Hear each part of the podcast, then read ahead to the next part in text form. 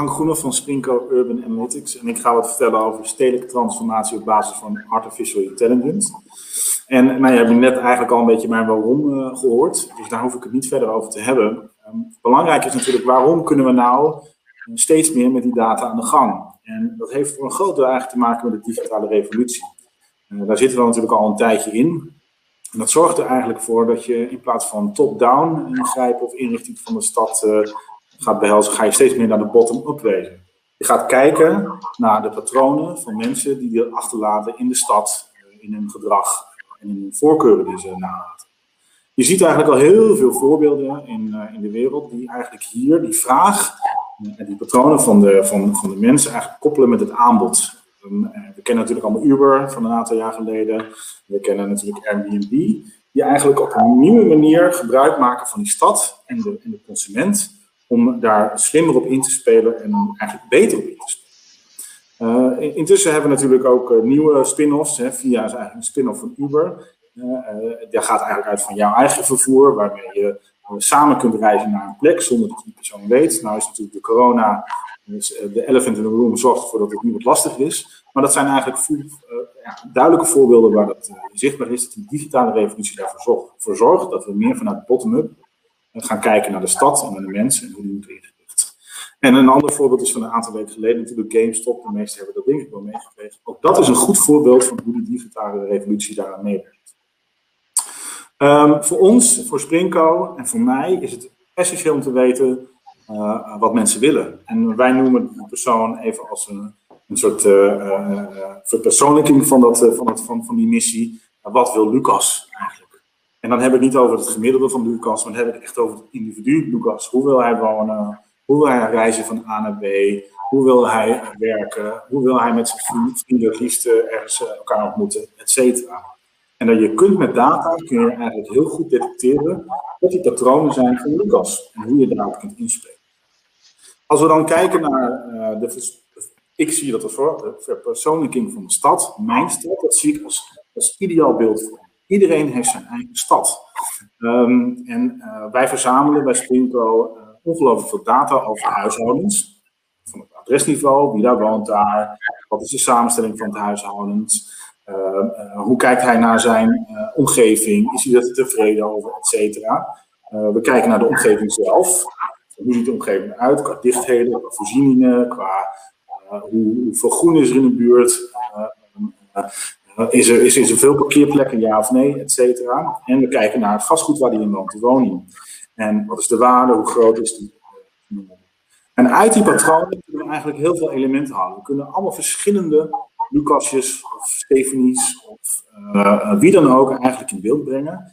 En we kunnen op zoek gaan naar wat is nou de ideale stad voor die persoon. En als je nou naar mij kijkt, mijn persoonlijke stad, waar ik het liefst woon, dan is het eigenlijk aangewezen op deze kaart in Den Haag.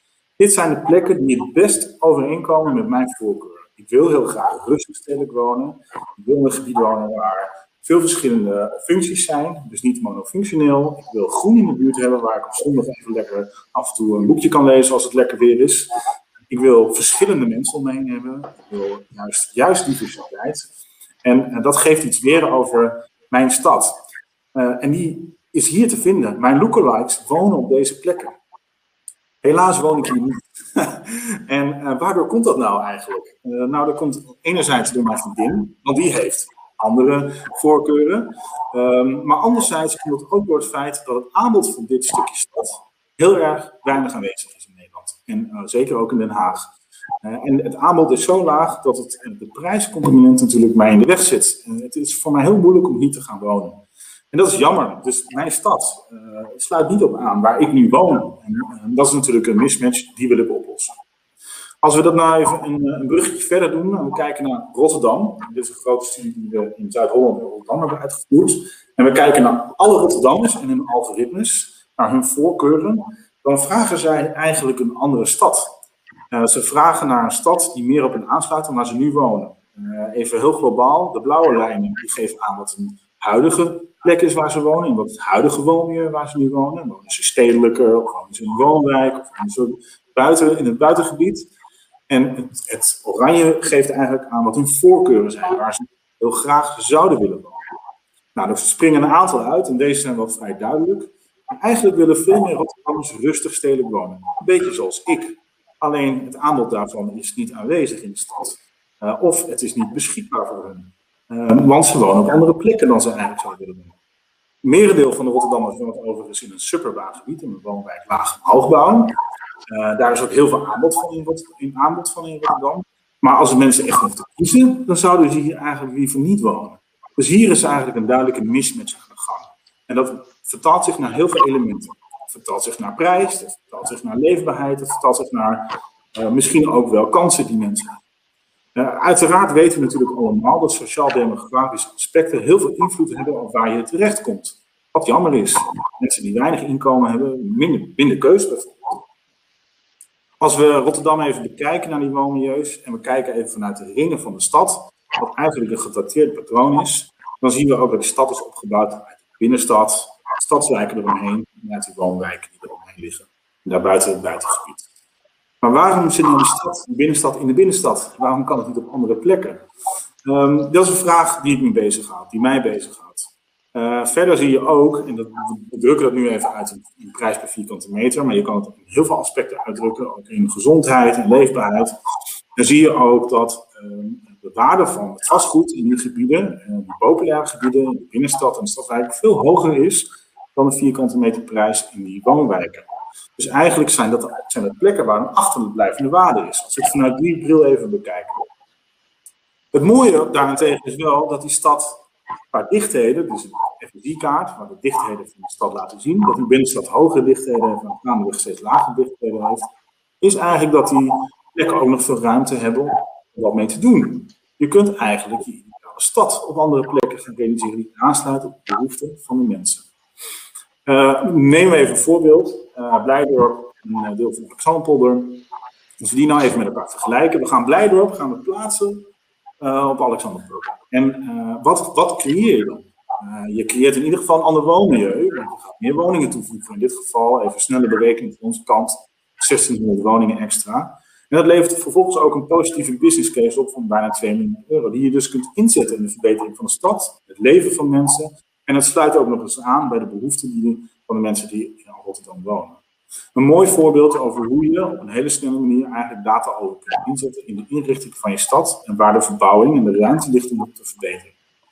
Nou, dit soort, dit soort studies en wat vergaande studies doen we ook uh, voor, uh, voor onze opdrachtgevers, uh, voor corporaties, gemeentes, ontwikkelaars, bouwers, zorginstellingen, et cetera.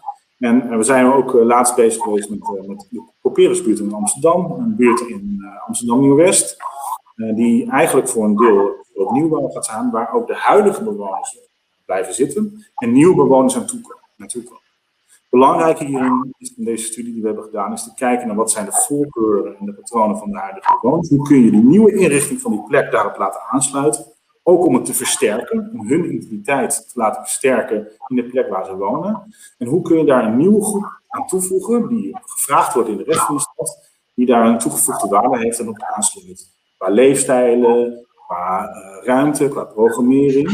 In dit geval hebben we vanuit context, de context van de omgeving, de context van de stedelijke weefvoer, de context van de vraag van de consument en de huidige bewoners, hebben we eigenlijk de programmering bepaald voor dit stukje nieuwe stad. En uh, hiermee kun je dus eigenlijk een stad bouwen die aansluit op, op hun behoeftes. Globaal gezegd, de bewoner is in onze optiek de bouwsteen van de stad. Wat wil hij? En uh, je kan met artificial intelligence zorg je ervoor dat die stad alle individuen gezamenlijk beter kan bedienen in hun woonvraag. Net als Uber, net als Airbnb, net als al die andere digitale platforms die er steeds meer zijn. Deze vraag vormt de basis voor stedelijke ontwikkeling en transformatie in de toekomst. Wij noemen dat ook wel de stad van onderaf. Overheid, dat is eigenlijk een wens die ik heel erg heb, moet ervoor zorgen dat die stad kan reageren op die veranderende vraag. Anders bouwen, sneller bouwen, industriëler bouwen, tijdelijker bouwen, flexibeler bouwen, om ook op die vraag in te spelen. Nou, dat zijn natuurlijk ook dingen waar, uh, als goed is, Heijmans ook mee bezig is. Um, dit is even kort uh, gezegd uh, mijn, mijn presentatie. Ja. Mooi. Mag ik een uh, vraag stellen? Mooi verhaal, ja. Uiteraard. Ja, um, um, ja nogmaals, mooi verhaal. Um, je, je gaf in je ene laatste, of, ja, in je ene laatste sheet gaf je aan dat je al bezig bent om die hele transitie te doen. Hè? dus dat je echt die wijk gaat hermoduleren en opnieuw inrichten vanuit echt die data en vanuit echt wat wil Lucas. Hè? Um, heb je de, um, is zo'n wijk al ergens gebouwd? Of zie je daar al resultaten van terug? Uh, nou, Springkop bestaat een aantal jaar, dus je weet hoe langzaam gebiedsontwikkeling gaat. Maar ja, zeker. Um, we zien al dat er bijvoorbeeld concepten, woonconcepten, uh, in verschillende plekken, bijvoorbeeld in Zeist, uh, worden gebouwd op basis van, en het is een van de middelen, hè, bedoel, dat weten we allemaal, de business case is belangrijk, et cetera, die beter kijkt naar de voorkeuren, in dit geval van senioren. dus wat voor senioren wonen hier in de omgeving, hoe willen zij wonen, en we hebben sterk nog altijd het idee dat senioren één, één programma van eisen hebben. Maar dat is helemaal niet zo. Ze hebben net zoals jij en ik een verschil van, eh, van voorkeuren. En, en dat zorgt ervoor dat je veel beter kan inspelen op bijvoorbeeld die senior die op dit moment een te grote woning woont. Dus je ziet al doorstromingseffecten van zo'n pilot of zo'n project. Dus de impact van een goed product heeft bijvoorbeeld een maatschappelijke waarde op het versnellen van de doorstroming, waardoor je niet starterswoningen hoeft te bouwen alleen, alleen maar starterswoningen hoeft te bouwen, maar ook ervoor zorgt dat die huidige bewoner, die eigenlijk niet meer op de geschikte woning zit, wordt verleid om naar een andere woning te gaan die beter bij hem past, waardoor die woning weer vrijkomt voor die starter of dat gezin uh, die eigenlijk heel hard op zoek is. Ja, zeker. Even kijken, uh, Hank, ik heb, ik heb een vraag uh, vanuit het publiek gekregen van Katalin. Um, hoe zie je de risico's in de subjectiviteit van de vraagstelling? Ja, dus uh, je bedoelt te zeggen van uh, garbage in, garbage out en de vraag bepaalt eigenlijk de uitkomst. Ik denk dat dat een hele goede vraag is in zijn algemeenheid. Dat is, um, hè, als ik aan een data scientist vraag van met middels machine learning technieken, je stopt er data in en ga op zoek naar het antwoord. Uh, dan, dan, stel je dus niet de vraag, maar dan laat je de machine zelf het, het antwoord uh, bepalen. Alleen de data die erin stopt, bepaalt natuurlijk in zekere mate ook waar het antwoord naartoe gaat leiden. Die kritische houding moet je altijd hebben. Ehm, maar ik vind zelf dat, wat ik ook al zei en wat, wat ook al in het begin werd gezegd, data en artificial intelligence is een middel. Uh, de interpretatie, de expertise, de mening van de bewoner, uh, de reactie van de politiek, zijn allemaal belangrijke elementen die je daarin mee moet nemen.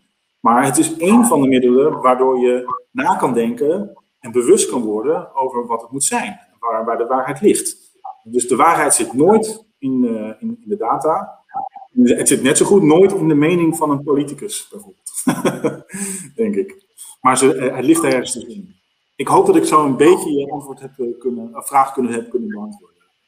Ik uh, heb nog een vraag binnengekregen, Hank. Uh, sorry. Uh, even kijken. Reageren op de veranderende vraag. Nieuwe inzichten doorkruisen echter de plannen waar gemeenten en ontwikkel ontwikkelaars op hebben ingezet en rekening mee hebben gehouden in hun business case. Hoe kun je mensen meekrijgen met veranderingen? Wordt gevraagd door Chantal van Rooyen. Ja, uh, ik moet hem even, moet hem even, laten, uh, even laten dalen, deze vraag. Uh, uh, want gaat het er nou om dat je, dat je al ergens mee bent begonnen en dan moet je in één keer veranderen? Eh, en hoe kun, je daar, hoe kun je daar andere mensen dan in meenemen? ik denk dat dat ook een beetje te maken heeft met dat je een aantal basisprincipes natuurlijk heel erg goed gelden in de, in de gebiedsontwikkeling. Alleen net zo goed uh, als uh, dat de Amsterdam, de centrum van Amsterdam uit uh, eh, 15 verschillende woningen is opgebouwd eigenlijk. Zo kun je de stad en de gebiedsontwikkeling ook een beetje zien. Je moet modulair, flexibel kunnen ontwikkelen, om daar die heel makkelijk op die vraag te anticiperen, denk ik. Ehm, en ook de, en, en mensen, ehm, kijk mensen, hun gedrag en hun voorkeuren die, die, uh, die laten, als je, als je de ruimte geeft, dan doen ze toch wat ze willen. En, en op het moment dat je ze te veel kapert, dan ontstaat er schuurdering. Dus je moet een soort ruimte creëren in je gebiedsontwikkeling om je aan te passen aan de vraag. Maar er zullen altijd patronen zijn die, die heel herkenbaar zijn, ook op de langere termijn. Nou, misschien, misschien daarop aanvullend, want dat is misschien de, de, de, de vraag of de notie achter de vraag. Ik weet niet precies waar die vandaan komt, maar Kijk, er is altijd een beetje een spanningsveld natuurlijk als je uh, een gebied gaat ontwikkelen tussen ja, wat je in e- economische termen het user optimum noemt. Hè? Dus uh, wat is de situatie waarin iedereen het voor zichzelf optimaliseert? En het systeemoptimum, waarbij het gemiddeld voor iedereen het beste is. En die twee situaties zijn niet per se hetzelfde. Hè?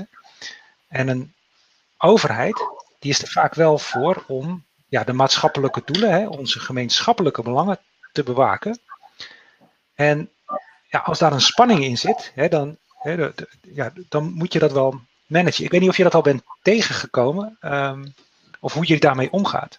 Ja, nou, ik, ik, ik, uh, ik begrijp, uh, ik begrijp dat die spanning er zeker zit. Um, en ik denk dat het, dat het ook te maken heeft met het, en dan gaan we toch wat dieper in de materie, dat het ook te maken heeft met op welk niveau je een systeem introduceert, hoe je het wil hebben.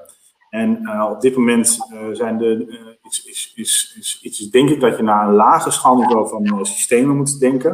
En daarmee kun je veel makkelijker, bewegelijker zijn in wat je daar komt, gaat realiseren.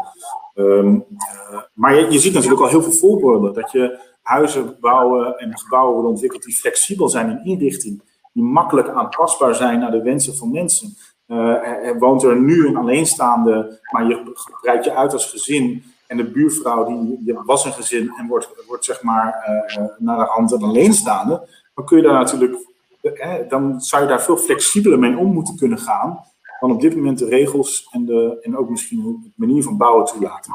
maar misschien heeft uh, Shahita wel in zijn, zijn presentatie wel ideeën over hoe je, dat, hoe je daar sterker op kunt anticiperen. Op die veranderende vraag van mensen.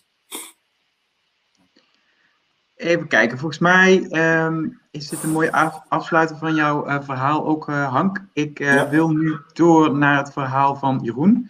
Dus ik ga even jouw presentatie van Jeroen ook bijpakken. Um, Jeroen, je gaat wat verder in op datagebruik. Je legde de, maakte de link volgens mij net al.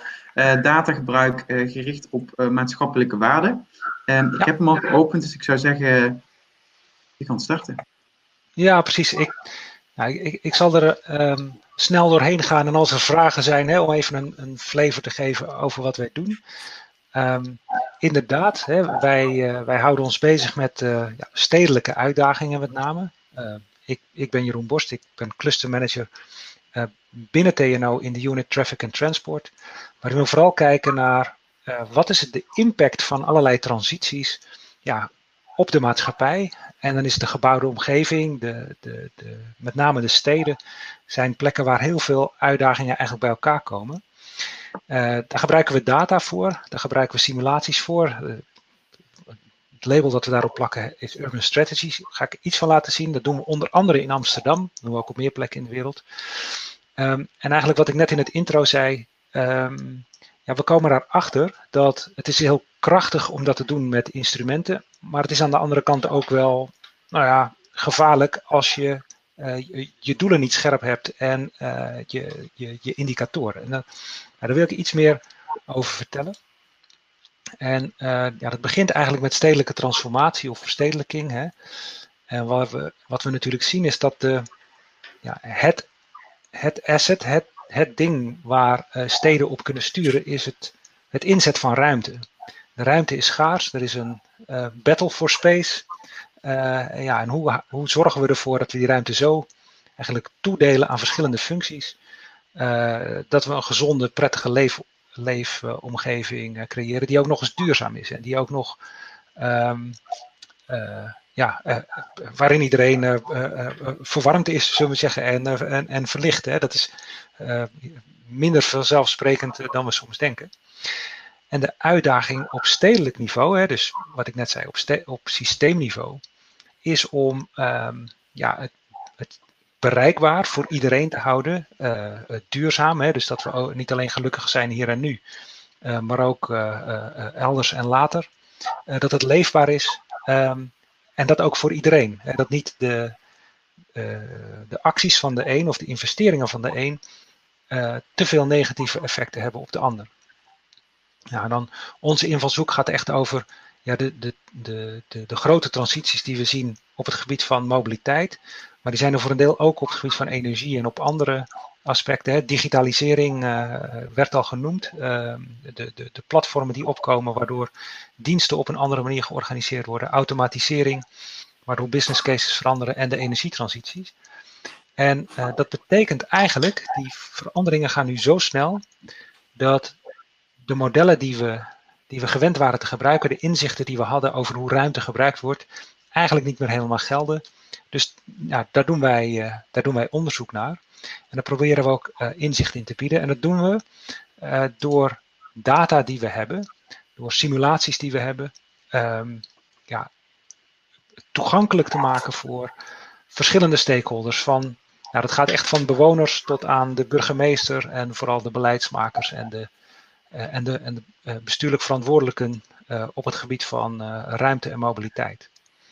En wat we dus eigenlijk doen is data op zo'n manier presenteren dat je ziet wat er aan de hand is in de stad op verschillende aspecten.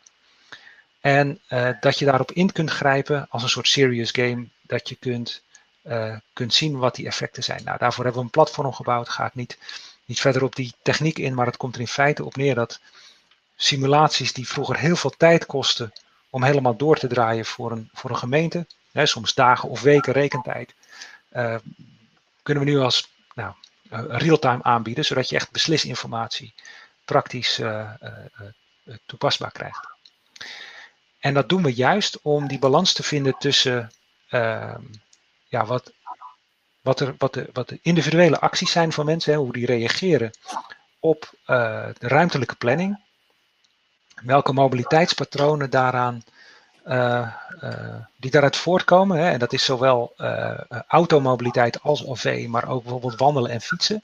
heeft een bepaalde ingreep en impact op of bestemmingen makkelijker met de fiets of, of lopend bereikbaar zijn. Want dat, heeft, dat is natuurlijk heel bepalend ook weer voor de milieu-impact. En daarmee ook voor de gezondheidsimpact en, de, en hoe de omgeving beleefd wordt. En dit is eigenlijk maar een voorbeeld van de modellenterrein die we uh, kunnen bouwen met, uh, met ons instrumentarium. Deze is dan heel erg uh, op, de, op de link tussen omgeving en gezondheid gericht, maar iets soortgelijks kunnen we doen op omgeving en energiegebruik bijvoorbeeld. Maar steeds om de balans te vinden tussen dat ja, optimum voor het individu, individu en de maatschappelijke doelen die een, een overheid vaak toch nastreeft. Nou, dat passen we toe in verschillende steden. Dat doen we onder andere in, uh, in Amsterdam. En uh, daar bouwen we, hebben we zo'n digital twin gebouwd als, ja, als manier om eh, beleid te kunnen vormgeven ehm, en uit te kunnen voeren. En ehm, wat we eigenlijk merken in de samenwerking met Amsterdam, is ja, we hebben hier indicatoren zoals uh, nou bijvoorbeeld voertuigverliesuren of uh, intensiteit, capaciteit, verhoudingen, hè, om maar een voorbeeld in het mobiliteitsdomein te noemen, geoperationaliseerd.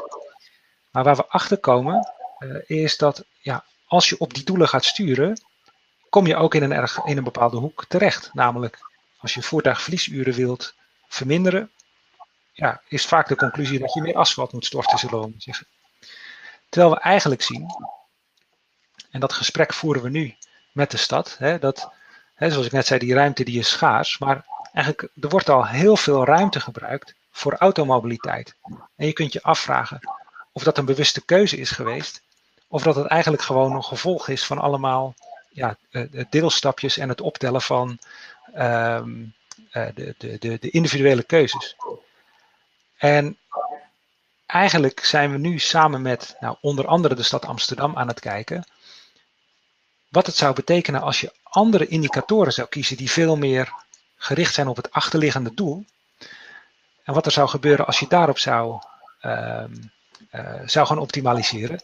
Of je dan niet op een andere inrichting van je stad komt, waarbij bepaalde bestemmingen bijvoorbeeld veel makkelijker te bereiken zijn, ook voor mensen die geen toegang hebben tot, tot de auto of het OV. En waarbij je kijkt voor elke investering die je doet in ruimte of in euro's, ja, aan welk doel dat nou eigenlijk bijdraagt. dus als je een Noord-Zuidlijn doortrekt of als je de ring rond Amsterdam verbreedt, ja, voor wie doe je dat eigenlijk? Welk achterliggend doel is ermee gediend? Om zo ja, eigenlijk op een andere manier stedelijke transformatie vorm te geven en nou, de inzet van data en modellen echt te gebruiken op je, je echte doelbereik. Nou, dat is eigenlijk even heel in het kort waar we mee bezig zijn en wat ik wilde delen.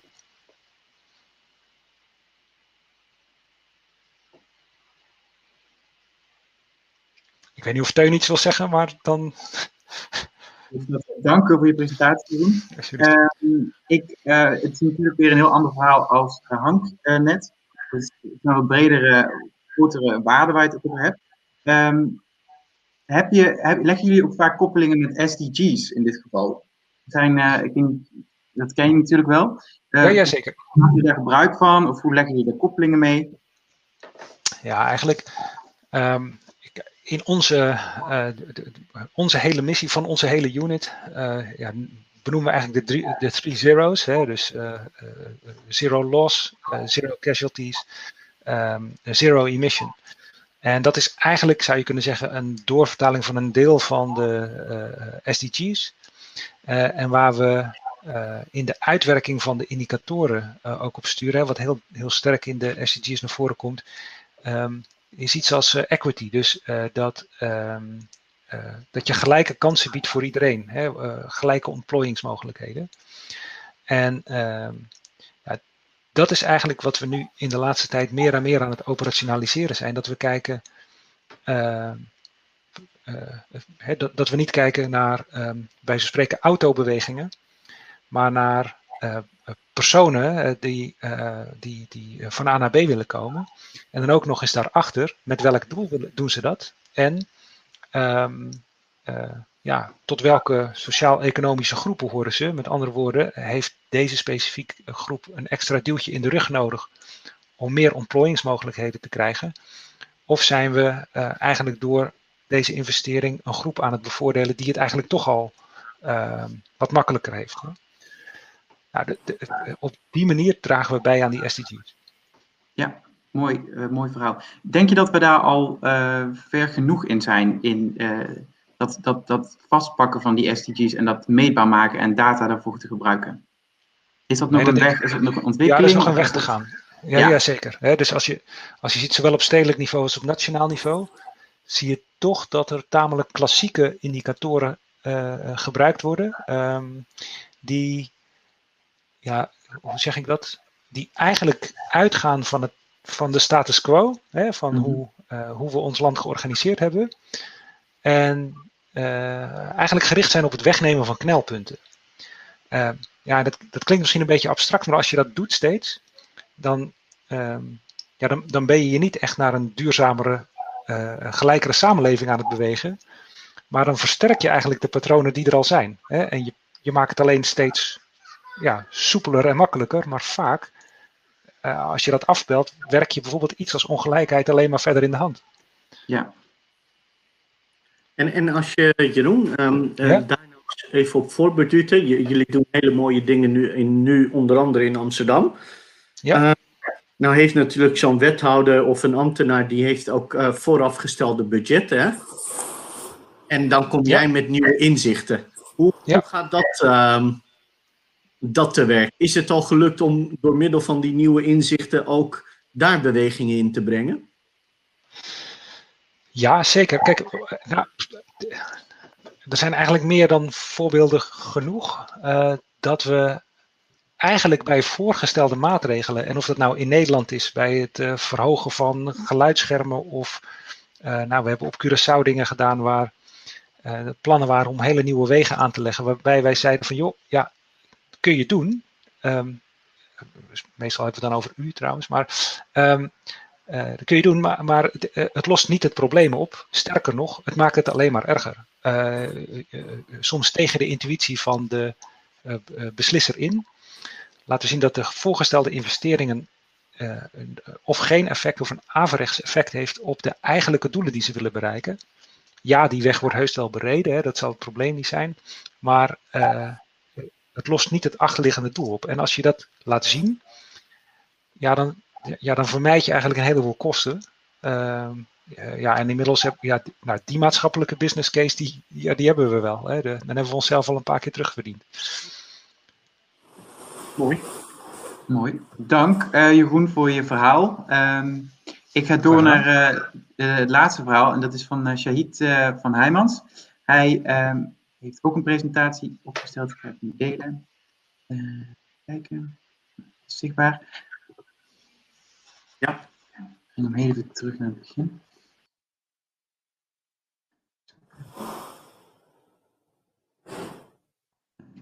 Hier staat hij. Uh, ik zou zeggen. Ja. Dankjewel. Um, nou, ik ben uh, Shahid Talib. Uh, ik ben directeur Smart City binnen Heijmans. Uh, is een beursgenoteerd bouwbedrijf wat een mooie drietal zusjes heeft. We hebben onze infratak, we hebben bouw en techniek en we hebben de vastgoedtak. En eigenlijk hebben wij er bewust voor gekozen om Smart City veel meer daar bovenin te zetten omdat wij vinden dat um, he, data ook juist een hulpmiddel kan zijn die heel veel mooie innovaties ook met elkaar kan verbinden. En dat kan leiden tot, tot betere en gezonde leefomgevingen. Ons hoofddoel en onze strategie is ook echt het creëren van de gezonde leefomgeving. Daarom zijn wij ook ter aard. En, um, en wij gebruiken onder andere Smart City en slimme technologie om daar ons uh, in te helpen dit doen we eigenlijk uh, um, alleen maar en, uh, door um, de, de bewoner, de gebruiker, de ondernemer, de werknemer centraal te zetten. En, uh, en dat doen we bewust, want uiteindelijk um, een gebied wordt gecreëerd voor jou of voor mij. of voor onze kinderen of, of wie dan ook. En dat vond ik ook wel heel mooi in het verhaal van Hank, hè, dat je daar ook een transitie in ziet. En, maar wat daar voor ons wel heel cruciaal is, is dat wij eigenlijk um, al die woningen, maar ook het openbaar gebied en de hele ruimte niet als losstaande entiteiten zien, maar dat zijn allemaal entiteiten die continu met elkaar in gesprek zijn en continu met elkaar bezig zijn om tot uh, meerwaarde te creëren. En, en wij geloven echt in sustainable cities en daarvoor heb je ook gewoon diversiteit nodig. Uh, maar ook die diversiteit, die proberen we aan te wakkeren. Dat bijvoorbeeld, um, wij zijn nu uh, in maand een van onze eerste um, Smart City wijken aan het neerzetten. We bewust gekeken, van, nou, wat is het grootste maatschappelijk probleem? En het maatschappelijk probleem wat vooral in Leusden speelt is vereenzaming en vergrijzing. En wat wij vooral hebben gekeken is van, nou, hoe kunnen wij door middel van architectuur, stedenbouw, um, um, duurzaamheid, maar ook data nou eens helpen om tot een, een buurt te komen wat sustainable is, maar wat ook echt een community gaat vormen. Dus onze hele inzicht is er zo opgesteld dat we bewust hebben uh, gekozen. Uh, het doel is om mensen te laten ontmoeten. Het doel is ook mensen juist uit hun woning te trekken. Dus we hebben daar hele mooie hofjes neergezet. We zijn daar helemaal mooie paden um, tot en met de link naar de Utrechtse Heuvelrug, wat, wat voor ons belangrijk was. En vervolgens hebben we ook deelmobiliteit toegevoegd, zodat mensen ook van elkaar gaan delen, maar ook dat er minder CO2, en minder auto's, meer groen, minder CO2. Wat we ook hebben gedaan, is dat je dan de next step doet, is dat je tot en met ook de, de, de DHL en de PostNL bezorgers centraal een punt maken waar zij hun pakketjes afgeven. Wat ook gelijk een buurtschuur is waar mensen eh, dingen aan elkaar kunnen lenen. En daaronder zit een heel mooi platform dat juist continu niet verplicht om tot ontmoetingen te komen, maar juist mensen uitnodigt. En, en bijvoorbeeld, hè, ehm, er wonen ouderen in de wijk, ehm, maar er wonen ook uh, jongere gezinnen. Nou, stel dat zo'n ouder uh, bijvoorbeeld op zo'n kind wil passen, dan als tegenprestatie krijgt hij twee of drie uur gratis deelmobiliteit. Of wordt zijn gezond gemaaid. Of al dat soort dingen. En, en dat is waar wij naartoe aan het bewegen zijn. Dat we alles wat we daar doen, één doel hebben. En dat is het oplossen van een, een maatschappelijk probleem. En dat kunnen wij niet in ons eentje. Um, dat doen wij samen met onze partners. En dat doe je ook samen met de gemeente. Daar kom ik zo meteen ook op terug. Maar dit soort transities en of het dan binnenstedelijk is of buitenstedelijk, dit moet je eigenlijk met heel BV Nederland uh, oppakken. Nou, um, dan zie je ook wij deden al bijna 100 jaar gebiedsontwikkelingen. dat doen we nog steeds. En daar zie je in gewoon dat door die huidige systematiek, hè, door het huidige probleemstelling van verstedelijking en verdichting en alle SDG's die daarbij horen, daar zie je gewoon dat onze huidige tools niet meer afdoende zijn en dat we daardoor een, een extra laag erop moeten creëren. Een, een slimmere toepassing, een, een, een 4D. Dus eigenlijk wat we doen is we verbinden de, eh, eh, de domme omgeving die het nu is met een laagje wolken waardoor de, eh, de omgeving zelf ook slimmer wordt. En dat doen we allemaal nogmaals bewust voor zo'n maatschappelijk probleem. Het doel zelf is niet, en dat is wat, wat ik ook mijn collega's net hoorde zeggen, het doel zelf is niet um, om allemaal tierenletijntjes of allemaal slimme toepassingen toe te voegen, maar het doel is echt om maatschappelijke problemen daarmee op te lossen of, of te versnellen. Nou, um, daardoor zie je ook gewoon dat wij um, uh, hebben gezegd, hè, eigenlijk willen wij veel meer naar de humanizing kant, hè, de menselijke kant van uh, van de smart cities, de menselijke kant van data. En hoe kunnen wij dat vanuit de expertise die wij al hebben, um, dat inzetten. Dan um, ook even gezien de tijd sla ik deze over, want hier heb ik het net over gehad. En wat we uiteindelijk hebben gedaan is deze cirkel voor ons gecreëerd. En deze cirkel helpt ons te focussen. In het midden zie je heel mooi staan wat ons doel is, waarom wij te aard zijn. Dat is dus die gezonde leefomgeving.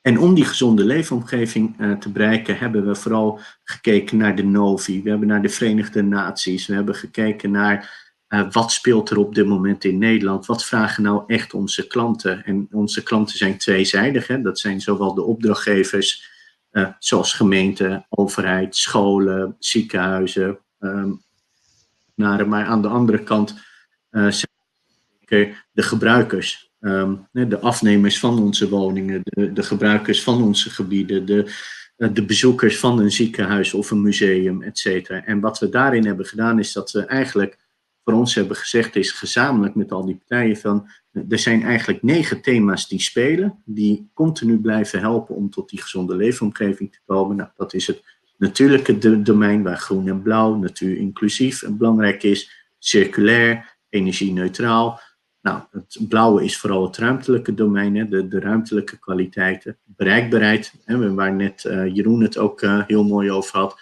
maar ook de economische meerwaarde. Hoe betrek je juist scholen, hoe betrek je kleine partijen, hoe betrek je bijvoorbeeld nu ook uh, statushouders, hè, echt in je gebied, want die wonen daar.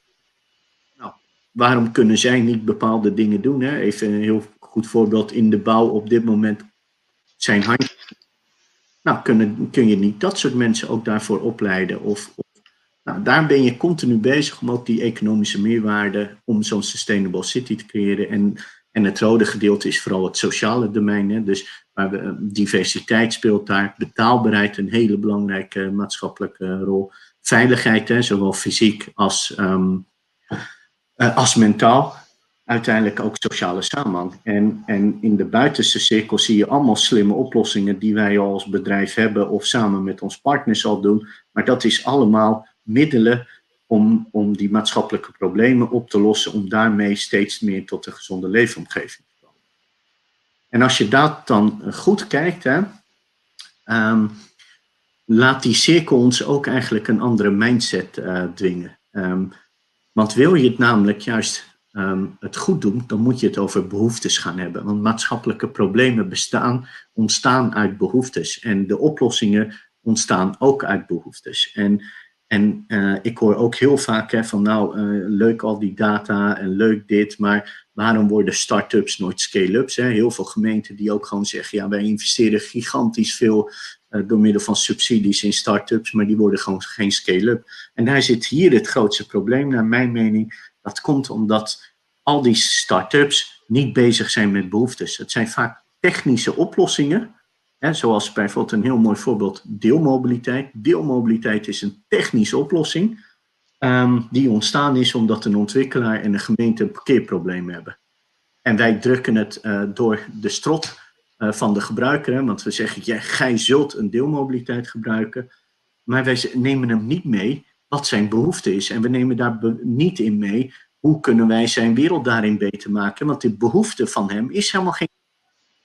De behoefte van hem is um, bereikbaarheid hè, van A naar B zo veilig mogelijk, waarschijnlijk zo droog mogelijk en misschien ook wel zo snel mogelijk. En dat is een transitie waar we met z'n allen uh, in moeten gaan zitten. Dat we anders gaan denken.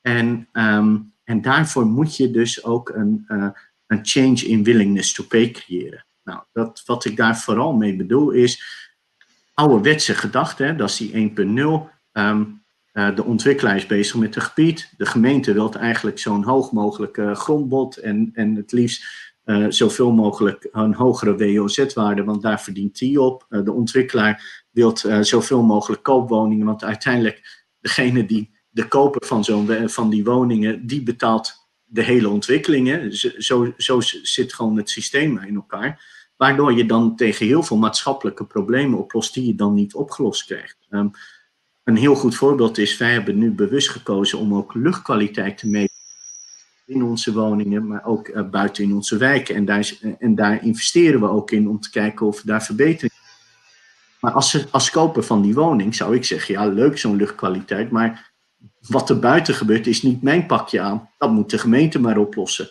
En vaak hebben gemeenten ook daar geen geld en geen subsidies voor. En hier komt nou iets heel moois te ontstaan. Hè?